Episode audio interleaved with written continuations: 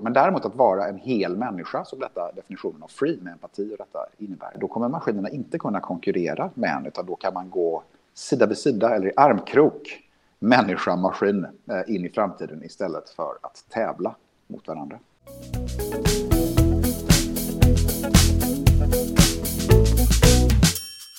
Hej och välkommen till Skolprat, en podd om skola, undervisning och lärande. Vi heter Karin Rådberg och Marcus Brunfeldt och vi arbetar som projekt och utvecklingsledare lite grann, biträdande rektor lite mer och Marcus du är ju biträdande grundskolechef. Stämmer. Och idag så har vi bjudit in Lars Strannegård till Skolprat för ett samtal om utbildningens och bildningens betydelse för individen och samhället. Och Lars är professor i företagsekonomi med särskild inriktning mot ledarskap och sedan 2014 så är Lars rektor för Handelshögskolan i Stockholm. Dessutom är Lars aktuell som författare till boken Kunskap som känns som kom under förra året. Varmt välkommen Lars till Skolprat. Vad roligt att ha dig här. Tack så mycket. Det är roligt att vara med. Hur mår du idag? Vad står din, på din agenda förutom det här fantastiska samtalet vi ska ha nu?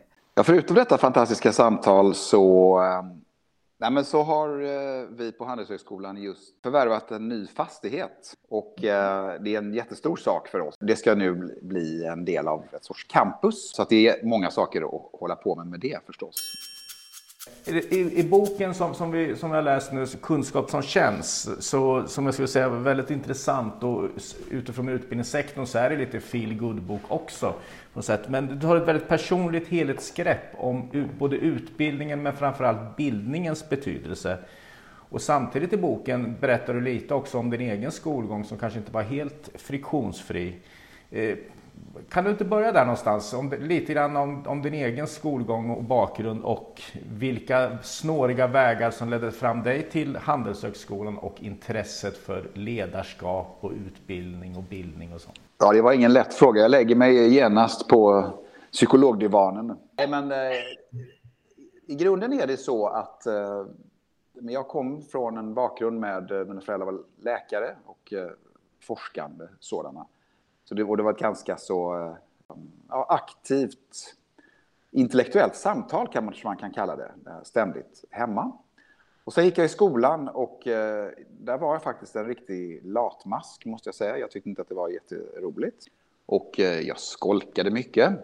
Och jag rökte mycket cigaretter och eh, eh gjorde grejer som, som man inte ska göra helt enkelt som, som ung. Och sen så var det ganska brokigt också därför att mina föräldrar reste eh, och arbetade på olika ställen. Så vi var i, i USA och i Kuwait och så gick jag på internatskola. Och jag gick faktiskt fem år eh, i gymnasiet, vilket var lite udda. Upplever du som understimulerad i skolan? Nej, det var jag egentligen inte. Jag var en latmask. Och, eh, och sen så, så bättrade jag mig i, egentligen framför allt i sista ring. Och då tyckte jag att jag måste ju skärpa till mig lite grann ändå. Och då gick det ju att göra det. Det kan man inte göra nu, utan nu måste man vara mycket mer hel och ren genom hela gymnasiet och eh, dessutom dessförinnan då för att överhuvudtaget lyckas komma in på det gymnasium som man kanske eventuellt vill gå. Sen så har jag ju då, eh, samtidigt så inser jag ju bara då över tid vilken fantastisk eh, möjlighet till glädje och eh, lycka faktiskt, som kunskap eh, är. Och just det här att faktiskt veta saker, känna till saker, förstå saker är ganska underbart. Eh, och det tycker jag är viktigt. Så jag har varit intresserad av, alltså förstås av forskning eftersom jag håller på med det, men också utbildning i bredare mening. Så att jag är väldigt, ja, väldigt, väldigt intresserad av det. Jag har inte riktigt varit så specialiserad som man ofta är i Sverige.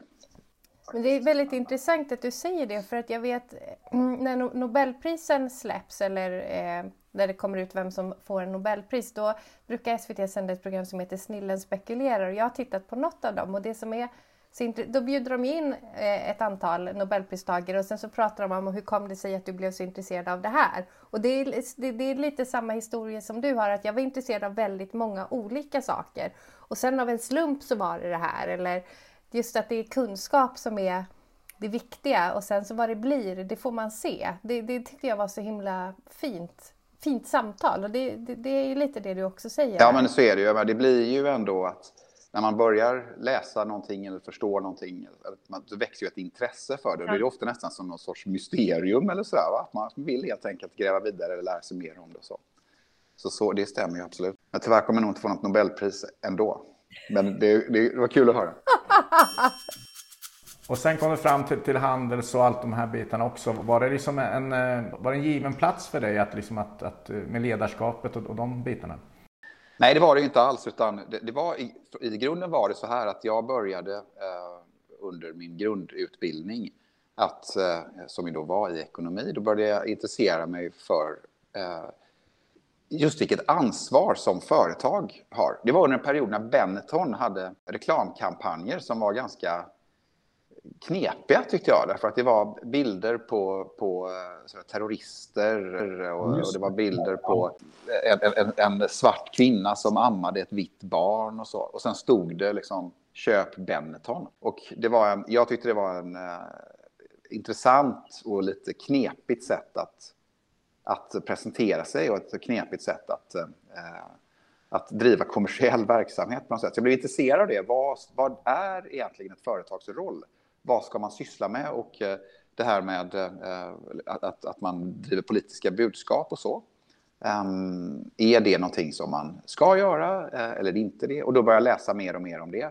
Och sen, då faller man ju väldigt lätt in då på, eh, om man håller på med företagsansvar, då blir det också om miljöfrågor. Eh, och detta var under 90-talet. Och då blev jag mer och mer intresserad av företagsmiljöansvar. Ordet hållbarhet existerade ju inte då. Och då, och då eh, tyckte jag det här vill jag faktiskt fortsätta med, så då skrev jag en, en avhandling, en doktorsavhandling, som handlade just om eh, miljöfrågor som kom 98. Den hette Green Ideas in Business. Och eh, eh, det har ju blivit ett minst sagt större område nu då med just de här ansvarsfrågorna. Och, eh, och sen så fortsatte jag helt enkelt och, och forska på. Så åkte jag till USA och och eh, tyckte också att det var en fantastisk miljö. Sen, sen så rullade det liksom på det har aldrig varit riktigt givet. Jag har aldrig haft det som någon sorts mål att jag ska vare sig vara forskare eller att jag som nu då ska vara rektor för eh, den här institutionen som jag är, eller det här lärosätet. Det har inte varit någon, någon plan, utan det, det, det bidde så. Vad lägger du för definition i begreppet bildning? Skiljer sig åt från utbildning? Är det samma sak? Eller? Nej, det är inte samma sak. Utbildning är ju, eh, i min värld, är, är en process som man genomgår. Man går in och sen när man är klar med den så är man utbildad. Man är liksom ute ur det där systemet. Eh, till exempel när man har gått ett, eh, ett, eh, ja, sina gymnasieår. Då har man fått den utbildningen eh, eller då, eh, något ett program på ett universitet. Så, och det är också en formell grad så att säga eller, eller diplomen så som man får av det. Och eh, då tycker jag också att det är synd att, man, att, att kunskapsinhämtningen är avklarad på något vis. Min definition av eh, bildning, den är... Det, det jag tycker faktiskt träffar allra bäst är Ellen Key. Som lite, först tyckte jag det var lite putslustigt sådär. Eh, men sen har jag insett att det är en väldigt, väldigt bra definition. Och hennes definition var att bildning, det är det som finns kvar efter vi glömt allt vad vi lärt oss då är det ju så att vad det egentligen betyder, det första är att vi glömt det vi lärt oss. Då är det väldigt tydligt att det handlar, bildning handlar inte om att kunna rabbla olika årtal eller kunna recitera dikter och så. Och det som då finns kvar är helt enkelt ett förhållningssätt till världen.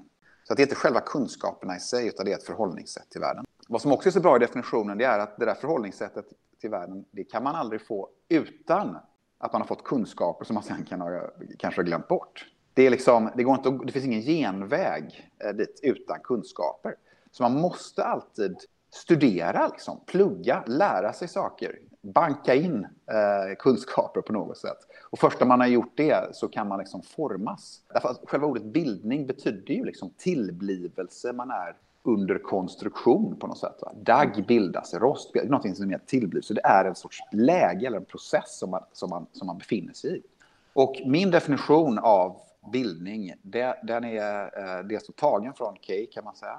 Men, eh, men ännu mer så, så har Ingmar Hedenius, eh, Uppsala-filosofen, sagt att den som är bildad är den som är fri och levande i en okänd värld.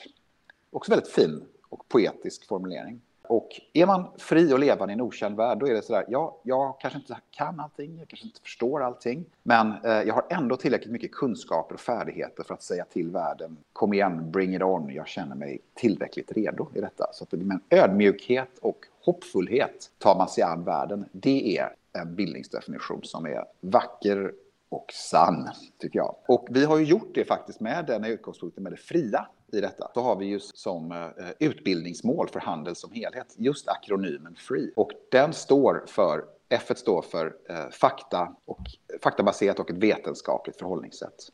R står för reflekterande och självmedveten. E står för empatisk och kulturellt läskunnig. Och det sista E står för entreprenöriell och ansvarstagande. E, den, den människa som är faktabaserad, vetenskapligt baserad eh, i, sina, i sin syn på, på världen och reflekterar omkring det, fattar empatiska beslut och bryr sig om andra människor helt enkelt och eh, utmanar den rådande ordningen. Den är bildad. Så att vi har liksom egentligen som hela vårt, vår utbildningsmission ett sorts uppdaterat bildningsideal kan man säga. Därför att detta behövs idag i en värld av snabb, snabb, jättesnabb förändring. Och inte minst den digitala utvecklingen som gör att eh, om man bara utbildar i klassisk mening med kunskaper, då kommer man att tävla med maskinerna, alltså eh, den artificiella intelligensen tillsammans med robotar så att säga, kan många rent liksom, kognitiva verksamheter bättre än människor. Men däremot att vara en hel människa, som detta definitionen av free med empati och detta innebär, då kommer maskinerna inte kunna konkurrera med en, utan då kan man gå sida vid sida eller i armkrok, människa, maskin, eh, in i framtiden istället för att tävla mot varandra. Är det, är det nyfikenheten på livet som någonstans eh, kanske tar slut? Att man bara satsar på formellt och likväl som att vi vet ju många människor som kanske inte har en formell utbildning som ändå har sugit åt sig och är nyfikna på livet som ändå är relativt bildade, i alla fall allmänbildade pratar man ju också om. Är det liksom, hänger det ihop där? Ja. Alltså allmänbildning tycker jag mer hänger ihop med eh, kunskaper så att säga. Det är att man kan mm. många saker. Och, det, och det, det, och det, ja, det hänger ihop därför att man måste ha den där breda kunskaperna så att säga för att få det där förhållningssättet. Men det finns en skillnad mellan allmänbildning, utbildning och bildning. Och det går absolut att nå eh, bildning både formellt och informellt. Det vill säga liksom att man kan absolut ligga och, och, och liksom läsa Nationalencyklopedin från eh, band till band och bli enormt kunnig eh, utan att någonsin ta ett enda högskolepoäng eller gymnasiebetyg. Så det, det, det, funkar ju bra. Sen söka annan typ av kunskap. Så det finns ju många exempel på icke-formell kunskapsbildning. För mig är som sagt då bildning inte alls detsamma som att vara kunnig. Och ofta tycker jag det används lite felaktigt att man säger ja. att om någon är bildad så är den de facto kunnig eh, eller allmänbildad. Det finns också en definition av bildning som ofta gör anspråk på att det handlar om humanistiska ämnen eller humaniora. För mig är det inte alls så, utan för mig är det just det här breda mm. eh, som det då handlar om. Så att man då också vet hur en eh, förbränningsmotor funkar eller citronsyracykeln ser ut eller så är också en, en, en viktig del av, av bildning. Så det, för mig är liksom ett, ett, viktigt uppdrag för alla utbildningsinstitutioner tycker jag är självklart att man ska lära sig sitt specialiserade ämne, men också hjälpa alla som vi har inne i våra system att egentligen försöka bända upp de skygglappar som livet hela tiden försöker att göra mer slutna. Det är liksom så att de går ju, de här skygglapparna gör oss eh, mindre vidsynta hela tiden. Och eh, eh, då är ju olika typer av, av, kunskaper och interaktion med eh, andra och gärna saker som man då inte riktigt kan eller känner till. Det gör att man vidgar sina skygglappar. Att man träffar människor med annan bakgrund, att man har ett, en empatisk och ödmjuk förhållningssätt till världen. Då, då vidgar man sina skygglappar och då blir man mer bildad.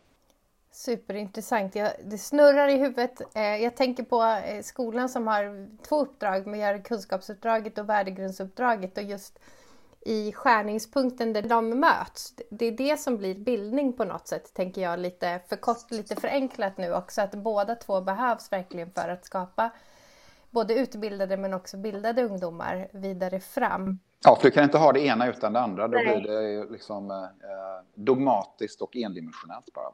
Vi pratade om det innan, eh, jag och Marcus, just att ett år så hade jag elever som gick ut med fantastiska resultat, betyg alltså. Men jag var så missnöjd, det var när jag var lärare, det är många år sedan nu, men jag var så missnöjd, jag ville faktiskt inte ens gå på skolavslutningen.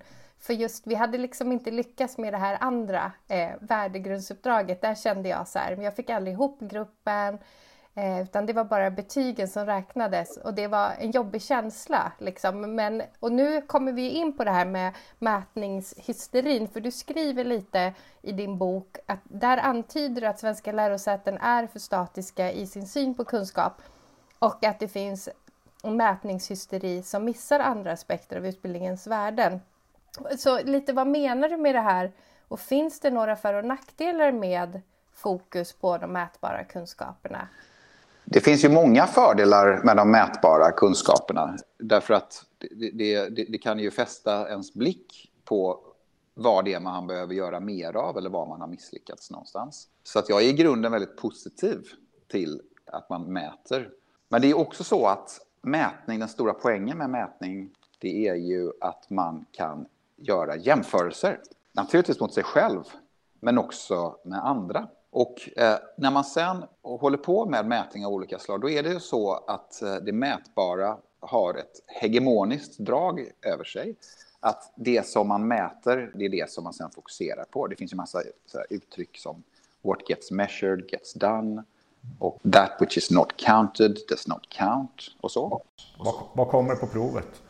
Ja, precis. Eh, så då, då är det det man, eh, man fokuserar på. Då blir det ju ofta egentligen själva instrumentet så att säga som blir det viktiga i sig. Och fokus förflyttar rätt, rätt lätt ifrån innehållet i sig. Liksom. Så att eh, bara det faktum att eh, nu om man tar den svenska skolan att vi sjunker på PISA-mätningar, det rimmar ju väldigt illa med vår självbild att vi ska ligga där. Då vill man ju göra insatser som gör att man klättrar på PISA-listan. Och då är det liksom den, det är det då som man är ute efter att göra, att man liksom anpassar sig efter en, ett visst mätinstrument. Och om det inte är perfekt utformat, då är det inte säkert att det är det bästa att göra och att man då glömmer sin egen integritet och känsla för vad man själv tycker är riktigt viktigt. Ett bra exempel på en lite bisarr effekt ändå på detta, därför att det är hur det funkar i handelshögskolevärlden. Då är det så att eh, Financial Times, som då är ett eh, kommersiellt medieföretag, de gör rankinglistor över utbildningar. Det finns 14 000 handelshögskolor i världen. På listan över 100, de 100 bästa utbildning, eller handelshögskolorna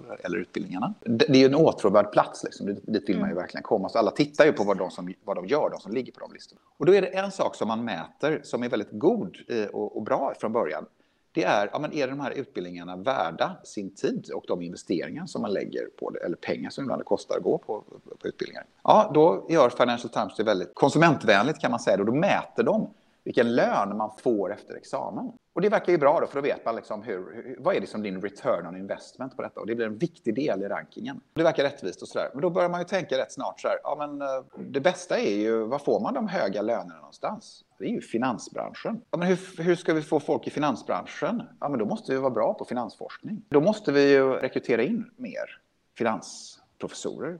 Och så måste vi ha mer finans eh, i våra kurser så att man faktiskt blir bra på det. Och sen så blir det liksom en, en, en, väldigt starkt fokus på just finans. Och sen kan man ju tänka efter vilka studenter ska man ta in? Ja, men då vill man ju ha sådana som är bra på att räkna. Så tar vi in de som gör bra ifrån sig på vissa typer av prov som är då anpassade för ens färdigheter i till exempel matematik och statistik och så. Efter ett slag då så märker man att eh, de skolor som placerar sig där, det är de håller på med finans. Då tittar liksom övriga 13 900 handelshögskolor runt om i världen Ja, men eftersom det är det som mäts och det som räknas och dit vi vill så ska vi också börja satsa mer på finans och ha mer finanskurser. Och sen är det liksom en finansialisering av hela systemet. Så det blir liksom en strömlinjeformning och en standardisering eh, som går åt det hållet.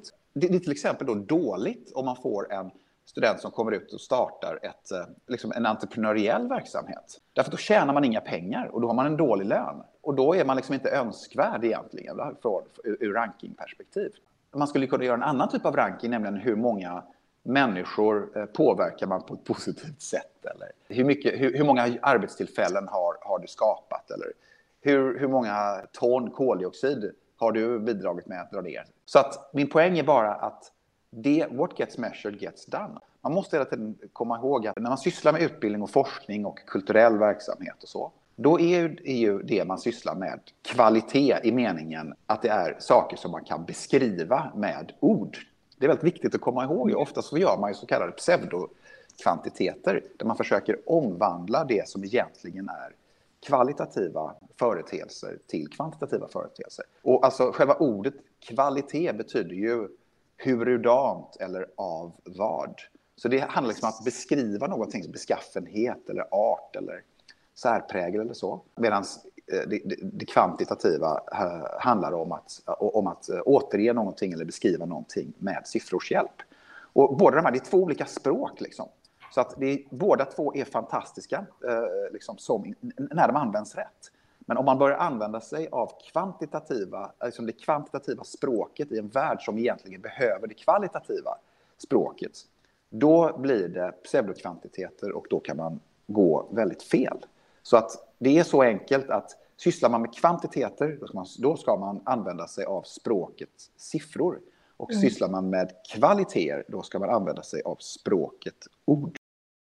Men samtidigt kunna ta avstamp från någonting om det används rätt, tänker jag också. För att jag vet, som, ny, när jag var ny som rektor så fick jag rådet att inte springa inte vilse bland alla siffror och sådana saker också. Men att, att kunna använda liksom resultat och statistik och progression på, på ett vettigt sätt för att kunna få en kvalitativ diskussion om kvalitet till exempel. Det, det måste ändå vara liksom värdefullt. Exakt, det är det jag menar. Så att man måste liksom hela mm. tiden bara, bara eh, och den som säger att siffror är trams är ju helt fel på det. Mm. Utan man måste liksom bara veta vad det är för någonting, vad det representerar. Och vad det kan leda till. Ja. Exakt, vad det, vad det kan leda till. Jätteintressant. Jag tänker också att du skriver ju mycket om fysisk, estetisk och andlig utveckling eller andlig, ja, att det också ska inrymmas i utbildning. Vad tänker du att svenska lärosäten och studenter på svenska lärosäten skulle vinna på att utvidga utbildningsmålen så att de även inrymmer det här? Det handlar ju mycket om att eh, framförallt så är ju då eh, alltså, högre utbildning den är ju helt inriktad bara på epistemisk kunskap, det som går att lära sig, det som går att plugga in, det mm. liksom som rör huvudet i sig. Då är, är det ju eh, viktigt, tycker jag, att man egentligen har det här mer, lite mer holistiska perspektivet, där man inser att man faktiskt formar en människa, igen med bildningsidealet eh, för ögonen. Då eh, handlar det om att man också eh, liksom, ökar helt enkelt förmågan att kunna ta in världen på, på andra sätt. Att också ha en utveckling av sitt eget... Eh, ja, men liksom andlighet är ju ett, eh, låter som ett flummigt ord. Men liksom att kunna ta till sig till exempel estetisk kunskap, det som, det som konsten, litteraturen kan ge en. Det är det som kan träna en i empati till exempel. Mm. Det är ju liksom hela poängen med litteratur, det är ju, eller en av poängen ska säga. Eh, att den kan förflytta en till andra tider och andra platser och så man behöver en annan typ av kunskap, alltså den här, det som, det som kallas för, eh, Aristoteles kallar för teckne, alltså praktisk kunskap som vi inte alls sysslar med i den, i den utsträckning som jag tycker att vi borde. Typ det här med att man kan läsa hur en cykel fungerar och hur man ska göra när man cyklar. Men du kan, aldrig du kan liksom inte plugga dig till hur du faktiskt cyklar, utan det är liksom tecknekunskap som egentligen behövs. Och ju fler olika typer av kunskapstyper som man eh, ger eller presenterar eller möjliggör för studenterna eller eleverna, desto högre sannolikhet att de, att de träffar rätt och att de utvecklas som människor i, i, i, i hela den mänskliga potentialen som ändå finns. Vi ska ju syssla med att försöka utveckla människor och inte bara delar av människor. Om man ökar helt enkelt eh, smörgåsbordet av möjligheter för utveckling, då skapar man ett bättre lärosäte. Det, det anser jag. Men är vi för begränsade helt enkelt är, är, i Sverige på så sätt? Jag tycker att det är alldeles för begränsat. Ja. Därför att eh, eftersom vi bara sysslar med, det här, med den mätbara kunskapen, den här rena epistemen. Om, om vi bara sysslar med det, då kommer vi att lägga oss i tävlingsläge då med maskinerna. Mm. Så att, eh, jag tycker att det är en, eh, en, en, en dålig väg framåt. Men vad intressant, för att när jag var väldigt, väldigt ung så pluggade jag till kulturvetare. Eh, och eh, då åkte vi en vecka till Kosteröarna och röjde sly med en bonde och jag förstod liksom aldrig riktigt varför vi gjorde det. Men det kanske var det där med bildning och liksom utvidga våra perspektiv, visa andra. Ja, det tror jag absolut. Ja. Det får man ju höra med de ansvariga för det. det kan ju ändå, det låter ju ändå som om man sysslar med kultur, då är ju liksom, man kan ju associera, ja. det är ändå, då, då är det på Kosteröarna, naturreservat, ett fantastiskt eh, ställe i västra Sverige, med då liksom förslyingen av Bohuslän är någonting som man talar om som liksom tar bort hela, hela kulturlandskapet. Ja. Och det behövs liksom ett arbete, ett fysiskt, det är, liksom, det, det är ju handens tanke där en, en, liksom en ideologi, en kulturvetenskapligt baserad ideologi om att förslying är någonting som man inte vill syssla med. Och då måste man gå ut och liksom känna det i kroppen. Det är liksom kunskap som känns. Och om man sen då parar detta med eh, att, att man läser om vad ett kulturlandskap överhuvudtaget är för någonting, vilken roll det har, vilken, vilken, vilken vikt det spelar eller vilken vikt det har för, för uh, olika typer av uh, människor som bor då i olika typer av uh, sammanhang och sådär så blir det någonting som är helt centralt. Jag tror att du kommer ihåg det därför att det har satt sig, liksom, förkroppsligats på något sätt. Verkligen, och glad att jag så 20 år senare får veta varför vi ja. gjorde det också jag tycker det är ganska intressant när jag träffar mina rektorskollegor från universitet i Sverige. Då talar man väldigt ofta om forskning som man har bedrivit och vilka forskargrupper man har och lite så om publiceringar och sånt. Men när man träffar utländska kollegor så är det inte ovanligt att de talar om sin religiösa praktik eller att de målar eller då läser poesi. Jag vet ju att många av våra rektorer i Sverige är, är, är religiösa till exempel och att det är en viktig del av deras liv. De skulle aldrig sätta sig upp och, och prata om det i offentliga sammanhang. Och att gubevars jag skulle ställa mig och läsa upp min egen poesi, då skulle jag liksom ses som lätt knasig. Va? Det är någonting man inte gör helt enkelt. Och det där handlar ju om att eh, vi är lite endimensionella ändå i, i vår syn på vad det innebär att vara människa och också liksom företrädare för en lärdomsinstitution på något sätt. Du kommer in också i eh, senare boken kring, kring Uppsala universitet. Jag fastnade för det, för eh, jag läste en gång i tiden rektorsprogrammet där en period i Uppsala och deras klassiska honnörsord. Det står väl i guldskrift där i aulan om jag inte minns fel att Tänka fritt är stort, men tänka rätt är större. Behöver vi fler medborgare som tänker fritt eller behöver vi tänka rätt eller behöver vi både och? Eller vad, vad, vad gör att du fastnar för det och börjar nysta? Ja, men det är ju en, det är ett remarkabelt citat. Och det är ju framförallt, det är ju remarkabelt därför att det är um, just på ett universitet där man då, som man då i sin föreställningsvärld anser vara den fria tankens högborg. Och så står det att det är, eh, det är väl bra att tänka fritt och så, men det viktiga är att tänka rätt. Då studsar man ju. Och då är det ju så att man självklart måste sätta detta i ett historiskt sammanhang. Det är, alltså det är från 1700-talet, det är Thomas Toril som har formulerat det där. Det är ju egentligen som en sorts plädering för det vetenskapliga tänkandet. Det är så man ska se det. Och ett, en sorts upprop emot flummet. Och han säger då, liksom, det rätta tänkandet, det betyder egentligen det metodiska, systematiska, vetenskapliga tänkandet, att det är det som är det viktiga. Och, och då kan man tycka att det är ett väldigt bra citat då för en, en lärdomsinstitution eller vetenskapligt baserat ställe som ett universitet är och bör vara. Så att det är liksom ingen skugga egentligen över Toril då, tycker jag. Nej. Men samtidigt är det ju ändå lite intressant att man har kvar detta och putsar de här guldbokstäverna utanför entrén till aulan. Där, där, där det ändå är så pass, tycker jag, ändå knepig sak att säga. Och jag tycker det är... Alltså det, det är egentligen... Det, det, och jag tror att det är just vikten vid det vetenskapliga, systematiska och nästan ingenjörsmässiga tillvägagångssättet som vi har i Sverige, vilket har skapat fantastiska framgångar för oss, verkligen. Men om man jämför med Stanford som har eh, som sitt citat, eller motto till och med, så står det Die Luft der Freiheit vet. Så att här blåser frihetens luft. Så det är nästan Uppsala universitets devis inverterad. Fast egentligen mm. mer än det. Utan att, att man säger här blåser frihetens luft betyder att här kan du tänka fritt. Här kan du vara fri. Och här kan du känna dig fri. Det är liksom frihetens plats. Ja, för det är den progressiva idén vi förknippar med universitet. Faktum är att både Karin och jag när vi pratade om det, vi Någonstans trodde vi kanske båda att, det faktiskt stod tvärtom, att det, att det var tvärtom, att, att tänka fritt. Vi var tvungna att googla först, men, men nej, och sen så, jaha, jo, å ena sidan och andra sidan. Det handlar igen då att om man bara är, eh, liksom sysslar med vetenskap i sig, ja, då är det kanske en bra grej att det är det där, men det blir liksom ingen den höjden eller, eller, eller, eller kritiska tänkandet eller de utanför boxen som man ibland kallar det och så. Va? Det blir ju svår ändå om man har det, det tillvägagångssättet.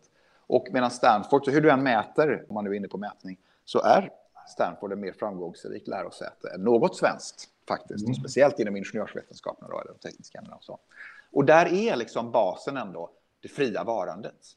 Och det är igen då, det är liksom det fria tänkandet och det fria varandet, det vill säga att du kan vara där och, och liksom utveckla andra delar av, eh, av, av din mänsklighet, så att säga. Mm. Om man gör det, då ökar också sannolikheten att man presterar väldigt, väldigt bra vetenskap.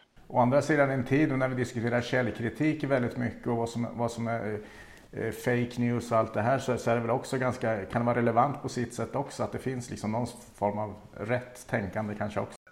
Ja, exakt. Nej, men det är därför vi har det här med free då i vår definition. Mm. Det, är, det är det första bokstaven. Det är fact and science-based mindset. Mm. Och att då, det är liksom vårt sätt att säga nej till flum. Just därför att i en värld av det du säger, uh, fake news, alternative facts, uh, åsiktskorridorer, Cambridge Analytica som äter sig in i våra huvuden och så, så blir ju just den där uh, förmågan att, att kunna göra distinktioner mellan olika typer av kunskapsanspråk så viktig. Och jag tycker att universitet är dåliga på att verkligen lära ut eh, grundläggande vetenskapsteoretiska frågor. Där man helt enkelt, alltså epistemologiska frågor. Vad är kunskap? Vad är det som räknas som kunskap? Hur kan man liksom dechiffrera den här typen av kunskapsanspråk? Vi är bra på att liksom lära ut när man ska sätta parenteser på vad och när man liksom ska ange källa och så. Men de mest grundläggande frågorna som det verkligen handlar om, det har vi inte fokuserat tillräckligt mycket på. Det, det försöker vi ändra nu då på hand så att vi har det i vår stora eh, kurs som heter Global Challenges. Då är liksom det här en av de frågorna som jag anser vara helt centrala. Och därför är han då är F nummer, bokstav nummer ett i Free. Du gräver efter ganska stora områden i boken Kunskap som känns. Och eh, något som ligger väldigt nära oss till hands är det här när du, när du kommer in på de lite orättvisa förutsättningarna i skolsystemet. Utifrån, eh, alltså de, de, eh, med utgångspunkt i de förutsättningar som elever har med sig hemifrån. Och vi, vi som jobbar i grundskolan, både Karin och jag, vi förhåller oss ju mycket till det här så kallade salsa-värdet. Det vill säga förväntade studieresultat utifrån alltså föräldrars utbildningsnivå, invandrarbakgrund hos eleverna och föräldrarna, men också fördelningen pojkar, flickor. Och, och vi brottas ju mycket med, med det kanske det svåraste uppdraget vi har, det kompensatoriska uppdraget. Att, att på något sätt oavsett vilka förutsättningar eleverna har med sig hemifrån ska vi försöka då parera och kompensera och se till liksom att skolan blir så ja, förhoppningsvis utbildningen blir så likvärdig som möjligt. Däremot inte likformig, men likvärdig som möjligt. Har du några tankar på hur skolan överhuvudtaget kan lyckas bättre i det kompensatoriska uppdraget så du inte ska ha sån jätteskillnad eller betydelse vilken, vilka förutsättningar du har med dig hemifrån? Det är, ju, det är ju så svårt att göra det att just på skolan. Och vi försöker nu då på vår universitetsnivå här nu, då, då är det ju egentligen att högskolevärlden tar ju in på det, det förment meritokratiska sättet, tycker jag, nämligen betyg. Då vet vi ju att de som har höga betyg kommer ju nästan undantagslöst ifrån vissa typer av skolor. De, de, de nästan undantagslöst också kommer ifrån studievana miljöer. Då tycker jag att om man är ute efter en sann meritokrati, då måste man inse att det finns olika typer, eller då, då måste man säga att varje inklusionsmekanism är också en exklusionsmekanism. Och därför så behöver man eh, ha olika vägar in. Tycker jag. Detta är ändå på vår eh, mm. nivå. Så då, då, är det ju, vi har till exempel nu då en eh, väg som är, är då helt bara via betyg. Sen har vi en väg som är också betyg därför att vi måste ha det som en liksom, av rättssäkra principer om inte annat. Så måste man ändå ha betyg och, för de, och det också visar sig vara en bra prediktor för hur man presterar. Men då kan man också ta sig in eh, med betyg plus intervjuer plus motivation och test. Och sen har vi en tredje som är att man tar sig in med betyg men också om man har gjort någonting som är speciellt på något sätt. Att man liksom har tävlat i bridge i OS eller kanske man inte gör, men i VM. Eller har gjort ett socialt projekt som är hedervärt och viktigt. Sen som fjärde eh, så är det då eh, högskoleprovet och betyg också. Och då är det ju liksom, det är inte fullgott, men det är ett sätt att i alla fall försöka nå ut så att man inte stoppas. Om man då inte har A i alla ämnen, typ, så är det mm. jättesvårt att komma in. Och om ens föräldrar skiljer sig eller man har problem med sin pojke eller flickvän i liksom andra ring, ja, då är du ute ifrån en utbildning som blir svårt att komma in på för oss är det ju liksom att om, om, skolan skulle kunna sköta det här kompensatoriska uppdraget, då hade ju vårt problem blivit mycket mindre egentligen. Mm. Så det börjar ju mycket lägre ner. Så att det, det, det är en jättesvår fråga, men det ger liksom uh, genomslag hela vägen upp igen. Det är ändå någonstans uppfriskande kan jag tycka, i alla fall gjort försök genom åren att även här då att bredda, liksom, som du säger, både med intervjuer, man har högskoleprov, alltså någonstans ändå försöka få en liten, ja, erbjuda andra platser också, andra vägar in helt enkelt. Ja, det är ju så, för det, vi, vi vet ju om det, det också, för oss är det också en ren kvalitetsfråga, därför att, att har man en alltför homogen studentpopulation, då blir utbildningen sämre. Eh, och så att vi vill ha en stor heterogenitet. Och då vet vi ju att om man bara har en, ett sätt att göra det, trålar vi så att säga i allt för eh, smala vatten, om man nu kan blanda metaforer på det sättet. Och man vill liksom kasta sitt nät över mycket större och bredare. Så att man då får in mer eh, individer från alla håll. Och vi är ju alla liksom för att det är ju det här som man säger ibland att eh, talang är liksom eh, jämnt fördelad medan möjligheter inte är det.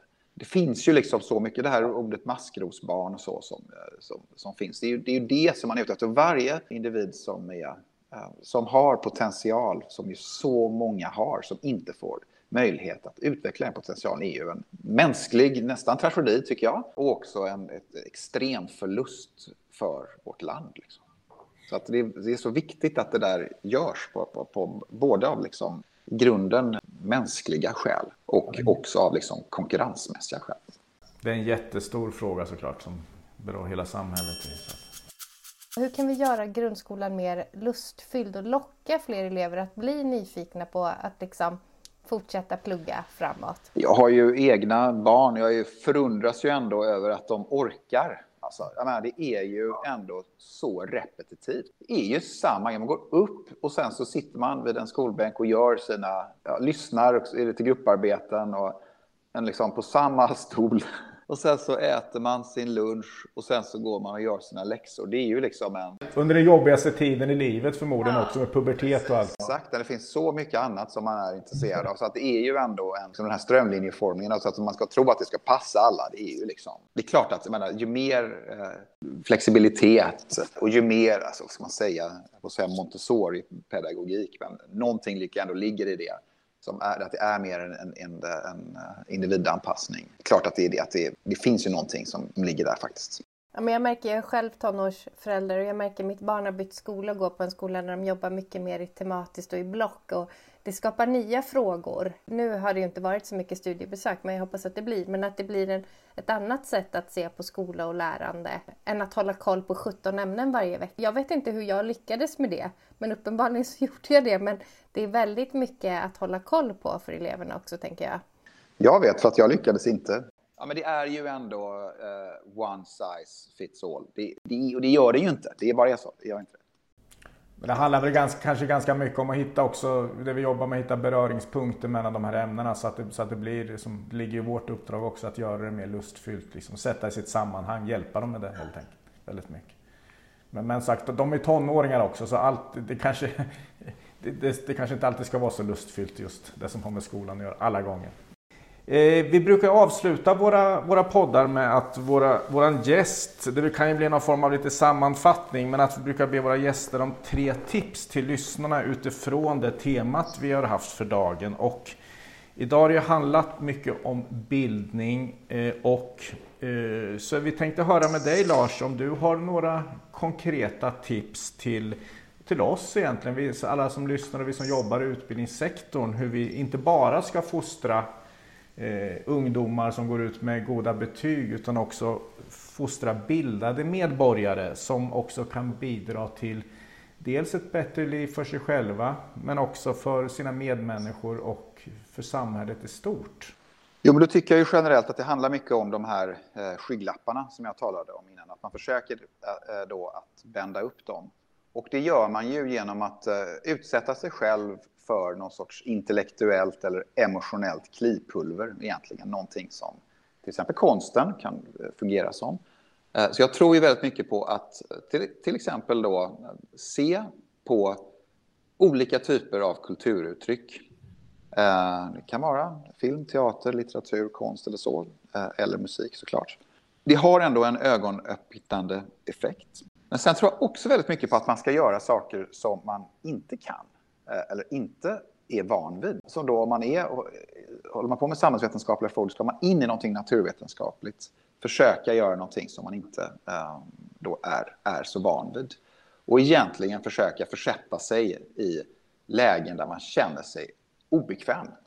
Därför att det ger också den eh, så viktiga eh, ödmjukheten. Om man, om, man, om man har ödmjukhet inför sig själv och det man kan och förstår och vet, då ökar man sannolikheten att man blir en bättre människa, tror jag. Så att det är eh, att försöka sträva efter ödmjukhet och, och, då, och då söka eh, input som gör att man inte blir nedslagen i skorna men väl ödmjuk. Det tror jag, det tror jag är bra. James Nottingham, det är en eh, brittisk skolperson. Han var med i Skolprat för några år sedan och då sa han try to suck at something new. Det är lite det du säger, att försöka ja, liksom utmana dig, testa någonting som du inte kan. Mm. Och då blir det fantastisk effekt av det därför att eh, dels så blir det ju en boost att man själv lär sig någonting nytt och förstår det. Det är ju liksom Ja, det, hela min bok heter ju faktiskt den heter Kunskap som känns och sen är det en lovsång till att lära sig något nytt. Så den, är, den, är ju liksom, den, den tar ju upp de aspekterna väldigt mycket. Ja, stort tack Lars för att du, det du bidrog med idag och din medverkan i Skolprat. Jag känner mig åtminstone ja, runt en 25-30 procent mer bildad idag i alla fall än innan. Jag vet inte hur, hur du, om vi kan mäta det. Men, men alltså, det är just att det, det, känns. Det känns och det känns också, jag brukar inte rekommendera böcker så här rätt upp och ner, men, men just kunskap som känns är en bok som man blir upplyft av skulle jag vilja säga också. Så att jättestort tack för att du tog dig tid att vara med här. Tack själva, jätteroligt att vara med. Tack, hej hej.